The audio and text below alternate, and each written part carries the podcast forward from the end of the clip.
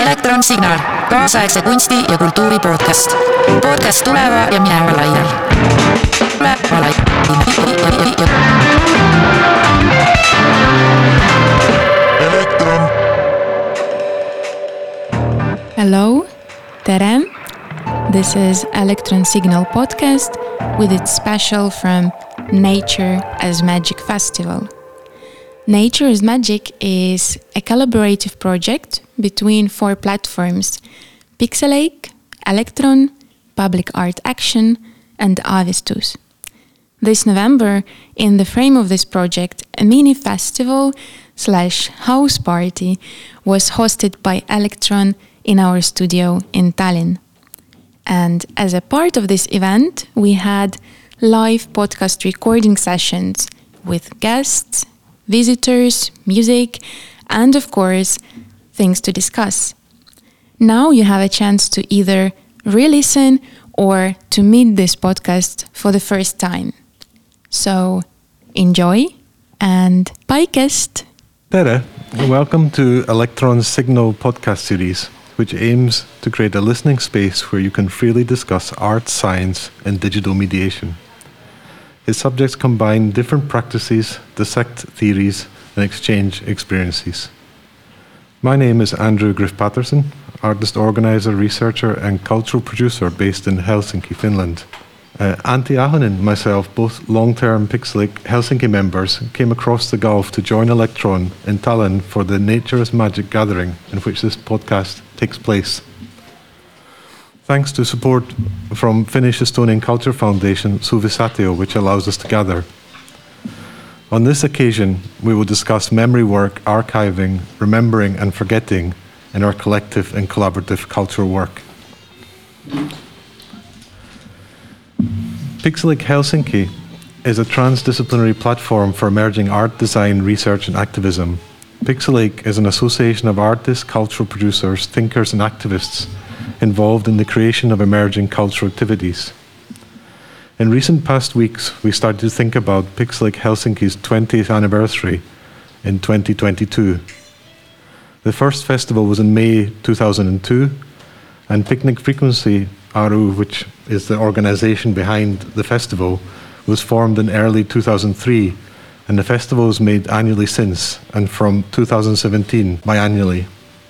Over the next year, we hope to start several processes within Pixelache which reflect at the longer history of the organization, but also to develop the capacity within the membership for the next festival, whenever that might be. There are many new members in the association. Maybe we are on the fourth generation of active members. And several older members, including Antti Ahonen, our photo documentarist, and myself from the first generation, have started to think about archiving and memory work of the association and how to make accessible the past to support the future active members. When Electron invited me to host this Signal podcast, I said I'd like to discuss this topic of archiving and memory work. And Laur Kaunissaare was introduced to me. So I, I sit here opposite Laur, and I, I wish to give a little space for you to introduce yourself and uh, say hello and give a little bit of your background. Yeah, so my name is Laur Kaunissaare. I'm a, a theatre maker, a dramaturg, sometimes director, and uh, now uh, currently a sort of bureaucrat of uh, performing arts uh, in the Ministry of Culture in Estonia. But uh, I relate to this issue uh, of archiving and forgetting and um, other words that were mentioned mainly through two things. First, uh, uh, through um, a work I did with other artists called um, Forgetting and Not Forgetting, which was done in the uh, former Communist Party archive, uh, basically the literal archive room, which is empty. Uh, but somehow to the idea was to conceptualize this emptiness in in speci- uh, specifically like the memory of late Soviet party membership and and and wh- whatever this time was. So not the 40s, 50s, and killings and all that, but the time in the Soviet period where the participants of this time are still living, are among us. And it's uh, interestingly ambivalent what it was, how, how it um, continues to exist in the present or does it, and uh, and how it's unresearched almost uh, completely. Uh, even the literal archives, I mean, they are basically almost untouched. The statistics show that roughly 2% of the archive of the Communist Party is researched, so 98% is unresearched. Uh, so this is one one angle that I relate to this uh, topic, and, um, and, and another is uh, that uh, I was part of a theatre company called NO99. There was uh, that um, conceptualized itself as a as a temporary group. It existed for. Um, uh, 14 years. I was not part of it uh, from the very very beginning, only the six last years. But it self-dissolved after 14 years. Also, the idea was to do 100 shows uh, during it during the lifespan of, of the theatre, but uh, it was uh, slightly less than 100 shows. And uh, and there also, I feel there's there's an interesting thing about uh, about this group or the memory of this group uh, connected to to the initial rhetoric of the group of uh, basically being not clinging on to to memory based on on the fact that performing arts is a very temporary thing. I mean, whatever is the art in it exists only in this moment. And then you go uh, home in the evening and i mean this thing as it happened today it doesn't exist. You can't put it on the wall. I mean it's it's uh, ephemeral so this was what the rhetoric of the of the group was very much based on but still somehow it became a, like a cultural phenomenon uh, and this uh, and then the identity and the cultural phenomenon started to influence the idea of ephemerity itself. So it was quite interesting that uh, after the uh, after the uh, dissolving of, of the or self dissolving of this company, then suddenly came these I- issues of you know uh, archiving the the videos of the shows or somehow ar- archiving the heritage of it or or the or the uh, what is the uh, rhetorical uh, end point you know like w- what it is what it was then or somehow like framing it w- which uh, was interest- an interesting kind of almost I would say almost contrast to the initial idea. But then again, it was also interesting that the initial idea, as uh, I remember one colleague, Eero Epner, I remember when when the decision had been made already to dissolve, then uh, I mean people were just packing their stuff, and then he just I mean went through random stuff that just to pack it in boxes and you know that's it. And then he found this piece of paper that was basically from the year zero of, of this group. It was um, like a note from the time when it was being decided what the name of the group would be. And as the, in the end, like this, uh, the name of the group called NO99, based on the idea that they only do 100 shows and then you know call it call it a day and you know des- self-dissolved that in the end then happened before the 100 shows. Uh, what was funny was that he was also kind of self-ironical, and it was a really interesting situation where he read that, okay, the proposals for the name was okay, NO99, then some other other name, and then some one name. Was, there was also like a combination of letters and, and numbers, but th- that didn't ring any bell, just no bell, nothing. And he read that basically it almost won and it was really interesting how like the what the rhetoric became in the end was actually could have been totally different. And then but then when you cling on to the rhetoric what is it then that you cling on to? And what what what is then the the central thing about it? Is it the is it the the yeah the story you tell yourself about it? Mm-hmm. Or the energy that happened between people in real life whatever you call it? And then how do you archive the energy can you archive the energy? Because okay you can preserve the story you can write it down. Okay this was the story was this kind of group but it's very hard to archive the energy. It, it's a just, fascinating. just the random thoughts on the topic. It's a fascinating example because if you have preset already uh, a, a limit and a decision to end, and the, as far as I understand, also finishing early from that limit, yeah yeah yeah. then you prompted also something new out of that circumstance, uh, unexpected, as you mentioned. Mm.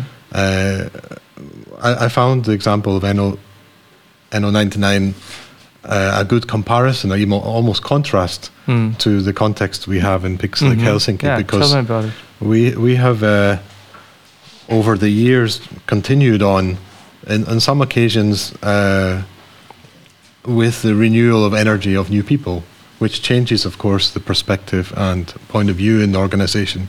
So, while the the first year was was a, a one-off occasion, one, the one occasion I personally didn't witness, but from from that situation onwards, a festival emerged of a particular time of electronic arts and subcultures. Mm-hmm. And it supported emerging practices, especially in audiovisual uh, uh, live performance, such as VJing, such as the works that we see here tonight, here in Electron Studio, but also over time, what became a subculture and the rhetoric of what was a subculture started to shift. So maybe the emerging practices uh, of, say, VJing would start to become something which, after several years, have been presented in a National Museum Yeah, of Contemporary yeah, Art Theatre Exactly. becomes a, a more established, uh, even uh, increasingly valued and mainstream practice to a point later where those experimenters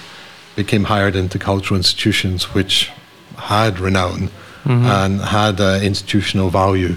And the, the rhetoric of being a subculture no longer made so much so sense. have you uh, have you then tried to uh, stick to the subculture thing and find new subcultures, or? Well, this this is an interesting point because uh, uh, there there was a an important transition that happened in 2011 to 2012, where the artistic director, one of the f- founders, Juha Huuskonen, uh, left the position, and it created a a question for us as an association: Do we decide to continue or not? And at, at that point, there seemed to be enough energy in the membership to think, okay, we will continue, but not it didn't maybe make sense to still think about it in the same terms.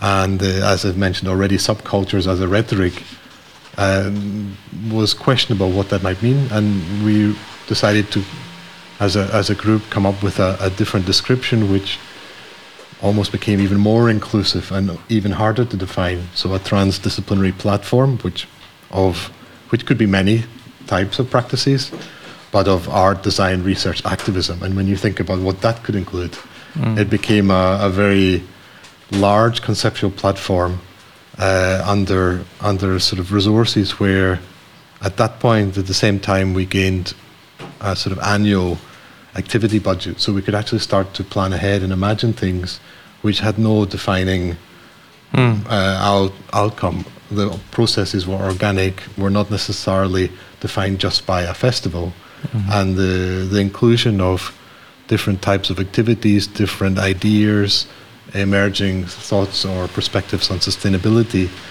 in- allowed us to include much more. I I uh, I guess the producer of this must have loved it. Well, uh, just to give some idea of a structural, Yeah. organizational sense, we had the same producer, Nathalie Aubret, from 2006 Mhm. to 2014.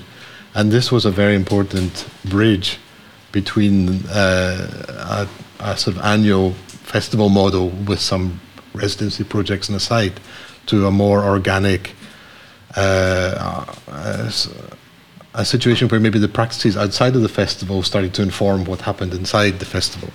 But there was at least a bridge. Uh, in the producer. person of the producer Yes. who kind of put it uh, kept it in the in some Yes, kind of frame For yeah. eight years, we had the same producer. Mhm. But after this, uh, the organization went through also some some changes of perspective to explore decentralized, maybe uh, multi-centered uh, nodes of production, and at the same time also rotating directorship of festivals. Mm. So it meant that the producers and also those who led the festivals started to shift and change. And this sense of narrative and even uh, what, what, might, what might be the story that you tell started to have multiple heads. And uh, diff- especially from 2015 onwards, we started to have various persons who can tell various stories. And at the same time, on every uh, year that passes, we gain more and more media and documentation and photographs and, and projects, etc. So, one of, one of the things that I uh, picked up on, and when you, when you describe both your examples, or especially the one, the one uh, of remembering and not remembering, was the context of profusion, the idea that we have so much material based on hmm. our archives and our or so much material in our archives based on the activities that we do together, and this this creates a a, a situation where it's not obvious what you should remember or not remember, or how you might filter or uh, go into an archive. Maybe you can say some words about that. It reminds me of uh, one story that friend told me when uh, me and my wife were visiting him in China. We asked him, so probably the the 60, 70 year old people here are the people who uh, were young during the Cultural Revolution. Uh, there was um, pretty pretty harsh stuff in, in like 60s China. And, uh, and I asked, like, I, I don't really understand why, why did, did they like just burn everything out, you know, just destroy all temples, whatever. I mean, the temples that exist now, they are refabricated, yeah. So and and and our friend told us the story that I have this habit of just collecting stuff. Whatever, I mean, I visit somebody, I get all these small details and so on, and then it's it just fills my my my flat. It's just packed with all this stuff, and I don't even have time to sort it or anything. It's just like somehow there hangs hangs all everywhere. And then one time, uh, my my, uh, my uh, friends, uh, while they were visiting me, uh, this guy told me uh, they gave me like a surprise because I had, I had complained about this to them a lot. That you know it's. Uh, it's uh, such a big load to carry on all these details to try to remember all this and so on. And and the friends did like this that while he was going to I don't know a sauna somewhere so anyway he was away they just basically threw everything away. When he came home it was just empty, just nothing. I mean I would say probably the amount of memory now this is a huge generalization of course but the amount of memory we have at the moment is in a way inhuman to to actually be able to somehow keep in your head. I mean it's it's just not normal because the ways to record stuff have just grown like i don't know like hundredfold or something. But the human like uh, capability to somehow deal with it has not grown of Yeah. times. And this is i mean somehow I, sometimes i feel yeah maybe forgetting is is more important. I mean and it happens anyway. Uh, but it's somehow like it seems that forgetting is a little bit like a shameful matter. It's like yeah sorry i forgot you know. And it's it's something you shouldn't do but but maybe it sometimes should be more central to the society. Well, certainly. I mean, if if you are, I mean, let's just speak at the moment from a cultural organizer point of view, uh, and and certainly for myself, I like to keep a lot of the paper materials that come from cultural production, and I even sort them into containers of years and things like this. And uh, a filled container, of course, can suggest either that you've been uh, prolific in gathering, or that you've done a lot of things, and you haven't yet categorized or sorted or made sense of that material. You can, of course, continue this for many years and have storage boxes. And eventually, you might find that the earlier materials no longer have the same value with the time passed, and you may have to start to filter the materials. Now, in our digital lives and the, the accumulation of, of especially photographs, for example, are a similar process that you may uh, gather over the years more and more documentation, but you may not have had to deal with the amount of space it takes up, as for example, on your hard disk. And uh, certainly, uh, it's unlikely that you may have found some filtering processes for this. This is the average perspective.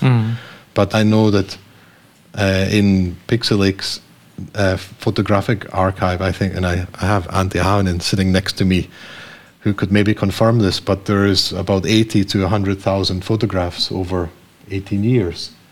And We're, we're in that ballpark. I can. uh, something like this, but we do not have the capacity uh, or even the strategies to think about how are we going to not only associate them to events and persons and activities to do the metadata work, but also how to make narratives from this that aren't based on our just the most mundane sense. Well, this was an event which had these things happen. It doesn't tell the story maybe of what it meant or what value we still give to it many years later. Just that comes to mind is that uh, I think this is also very much related to power, the power of, of naming and and um, and giving meaning. Basically, in this situation, if the archive of your archive uh, or other archives would be just open, say, for example, that all documents of this Communist Party archive that they are all scanned and then they are all accessible. Yeah?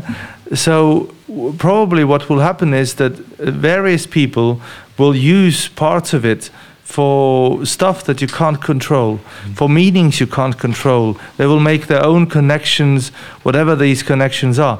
For example, what I found during researching this late Soviet time is that an interesting thing is the newspapers of the uh, 70s and 80s they are not digitalized. Mm-hmm. the newspapers of the of the uh, 20s 30s and you know earlier like 19th century those are and it's uh, often said that it's a question of that the ink gets acidic and it's like some technical reason which is probably also true.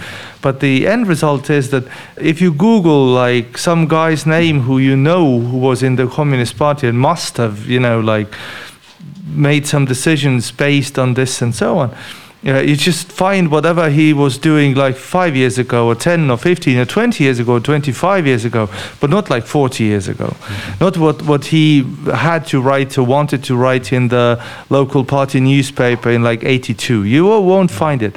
And uh, it's interesting because then you can't make the connection also. I mean, and it's not that it's being hidden, it's not being consciously hidden, but it's just that it's not available so you can't make your own connections. And by this, basically becomes like a non-topic but in in the context if it's your archive then if you make it available uh, together with your own uh, view of how stuff should be viewed i would say this is like a pretty harsh uh, use of power also. Mm, i agree. It's a very good point. I mean what we are challenging just within our organizational sense is like how do we even make accessible the past activities to those who are currently active and the ones who may carry on the future activity of association and uh, make new events and new meanings out of what that association can be. Uh, us older ones have that power, unfortunately, and we have to find ways to open it up, find ways to help narrate, but not also define what it might be. Uh, and then the the other side is well, how can you uh, make this material accessible in a way for those who are in the public who may not even understand what might have been uh, experimental audiovisual culture in the 2000s or experimental interactive work or public space work in a, in a more recent time even which doesn't make sense because it's an emerging practice and it's not so clear even what it might be. We have a responsibility to try and describe those things but not define them totally and to give space for many interpretations and uh, just reminds me of one artwork by this filmmaker and also experimental artist called Chris Marker, French filmmaker, mm. uh, who was a very early like digital pioneer, trying to do some stuff of yeah various uh, artistic level. But I remember he has this uh, um, really beautiful film called Memories of the Future, which is based on photographs from the 30s and an essayistic kind of commentary on, on, on a lineup of various photographs. And what is really beautiful is that he, how he shows that in photographs of the 30s, already the war is, uh, is reflected. I mean, the future is reflected. When you look from the future into the past, time before uh, the war, you already see signs for example, he shows like look like some photographs of basically uh, naked bodies in the landscape. Like five years later, these photographs could have only meant corpses. I've sometimes felt that the most interesting phase in an artist's work is the uh, first works in the new phase uh, that he's uh, he's entering. You know, when he's trying something new, he's not really quite sure what the hell this is, uh, but somehow feels right, but doesn't have a name yet.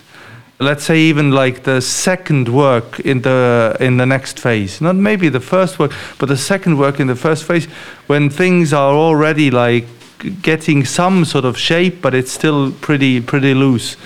I find these works like uh, very often they are really beautiful. Mm. I, I, appreciate the example you give. I mean, if you look into uh, a branch of uh, archaeological thinking or heritage thinking, uh, there's increasingly an emphasis that all of these interpretations of the past, of course, are made on the basis of present, and that we are living in this mix of interpretations from the past that we make in the present, multiple versions of this, and that these all give ideas and potentials for how the future may be. And futures and uh, presents and pasts are increasingly referred in the multiple form because our subjectivities of understanding about, as you mentioned, particular things that you may see from the past uh, determine how you might take that and, and work with it in the future. Mm-hmm. And it's, uh, it's very important that we keep open this interpretive value. Uh,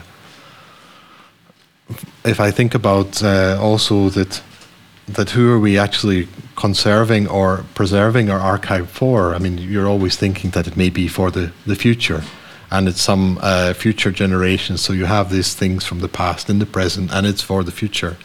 But we have to think, well, who is this persons we're talking about?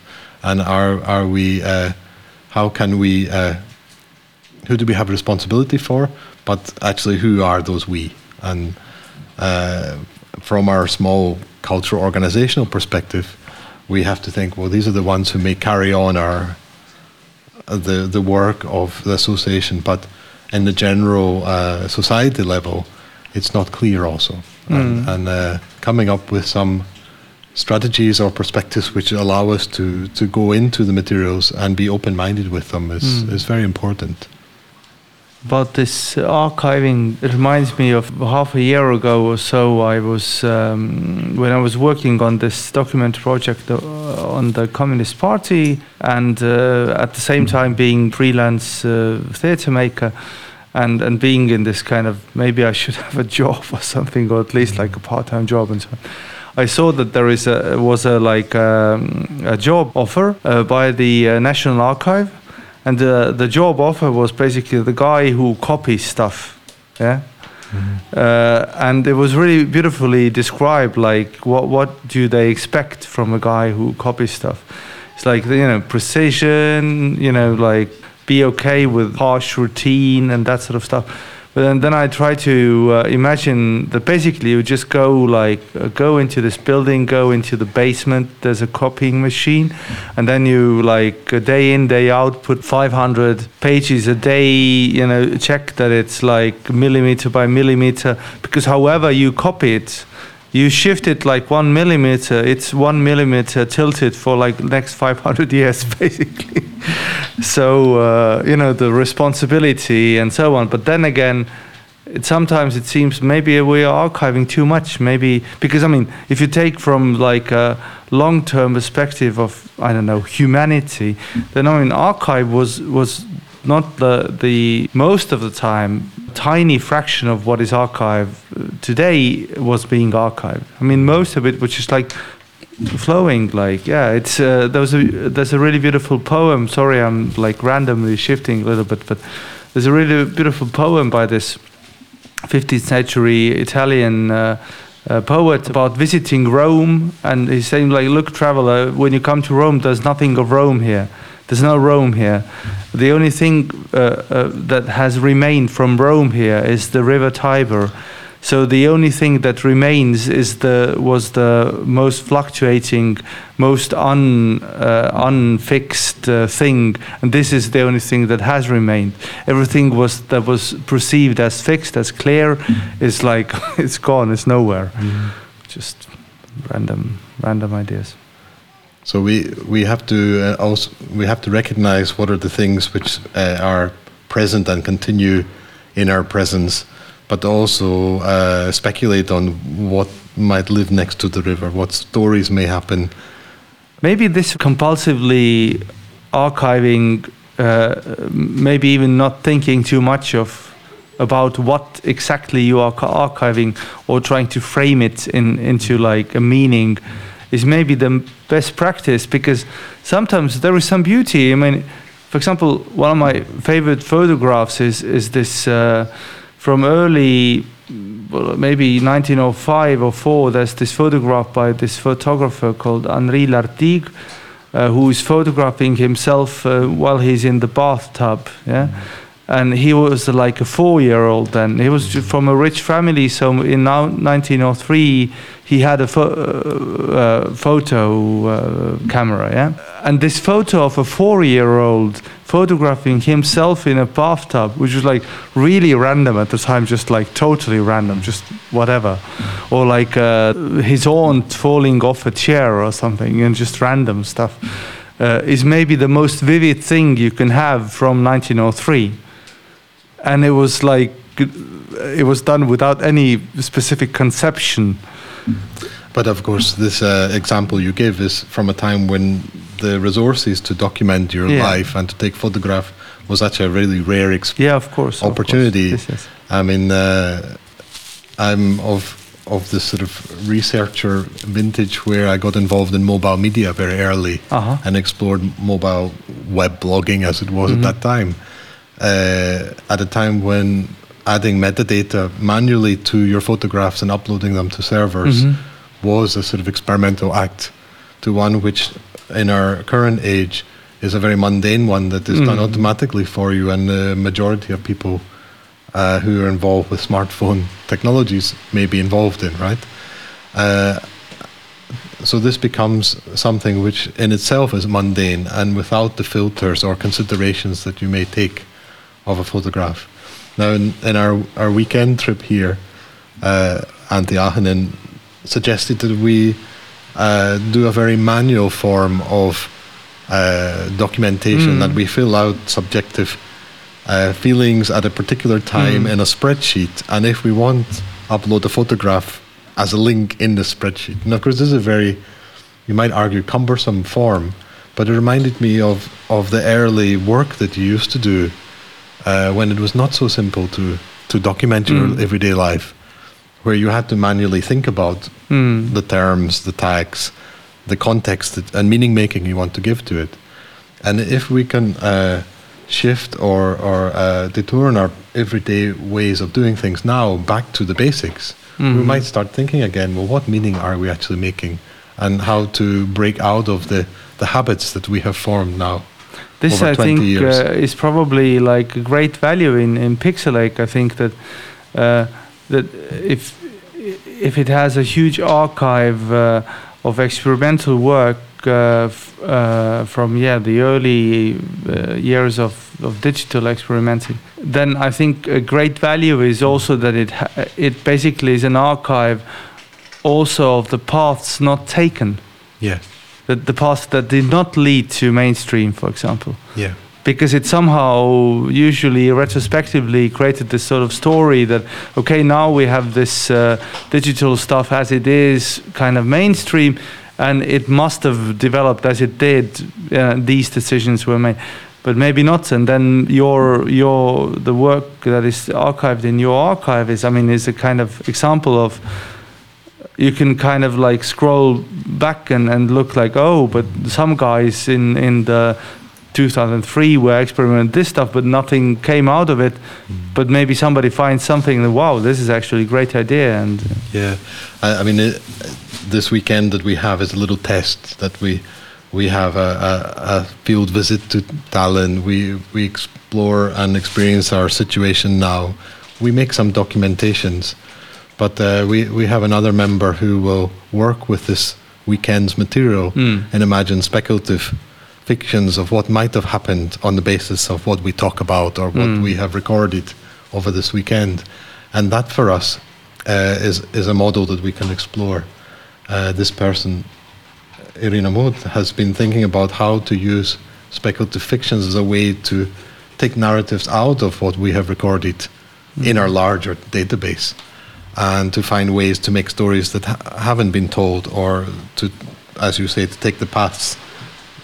I mean, okay, there's two ways the things which have not been taken, but the things that you imagine could be taken if you had this other yeah. option. Yeah, yeah. And it creates, a, it takes a speculative fiction uh, and narrating, uh, not based on what actually happened, but where would we like to take it still in the future, and what may emerge from what's happened in the past. And and for me, this seems like a productive yeah. route ahead, because uh, as you say, there's a, a, a mass of material and how you might uh, install yourself into it and make new performance from it is something which I, I understand you appreciate. Mm, mm. And uh, maybe there's a, a, performative way out of our archive. Mm.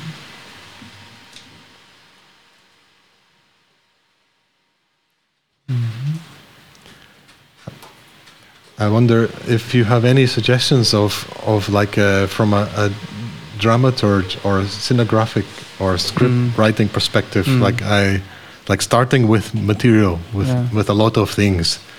How do you uh, filter or cut or make uh, slices through the the block of our mass?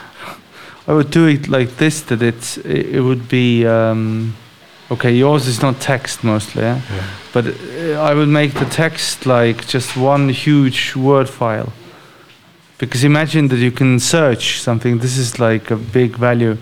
In libraries, I find great value in, in the possibility that you can actually walk between the um, shelves and you can actually like randomly pick stuff. Uh, so I think I think the interface, how you uh, approach it, is is quite important. Mm because I, this I felt, for example, when researching this communist project, and I, I spent a lot of time in the in the actual archive, like web page where you can search stuff, and I pretty pretty quickly realized that I don't know how to search. But okay, I can search names and institutions and so on, but it becomes pretty technical, and then uh, you realize that okay, this is not so easy to find sometimes I became a little bit paranoid. Maybe it's like purposefully like this. So you wouldn't find too much. You would only maybe find like, okay, you would find your own like family stuff maybe, but you wouldn't find too much of stuff you maybe don't need to find. Or you really need specific skills to do that. I would say just just upload the files in huge folder and, and you know just let people scramble. Yeah, you're talking about a sort of situationist derive through a, a library, through an archive, yeah. and if we can transfer that attitude and the randomness that comes from patterns that you make or, or hmm. even cut round, if you can take this into digital world and digital archive mm. our folders, our servers, etc., and uh, apply these strategies, and then we will find the interesting things out of the circumstance? I would say uh, dramaturgically, I would do like this: that it's an archive where you can sort yourself. That where there are like I don't know, like tens of ways to sort it. So you basically like in Excel that you, you can sort it like by date, by size, by like whatever. And then it, it's up for the user to sort. They can say like sort by like, I don't know, yeah, like color and, and, or you know, and then the connections that are made are, I mean, could be yeah, could be anything. Mm. Thank you, thank you so much, Laur. Thanks, thanks. It was really interesting conversation. Uh, it's been a pleasure. You've been listening to Signal podcast here in Electron Studio in Tallinn. Thank you so much. This is uh, Pixelache signing out for tonight. Thank you. Bye. Thank you. Elektronsignaal, kaasaegse kunsti ja kultuuri podcast. podcast tuleva ja mineva laiali.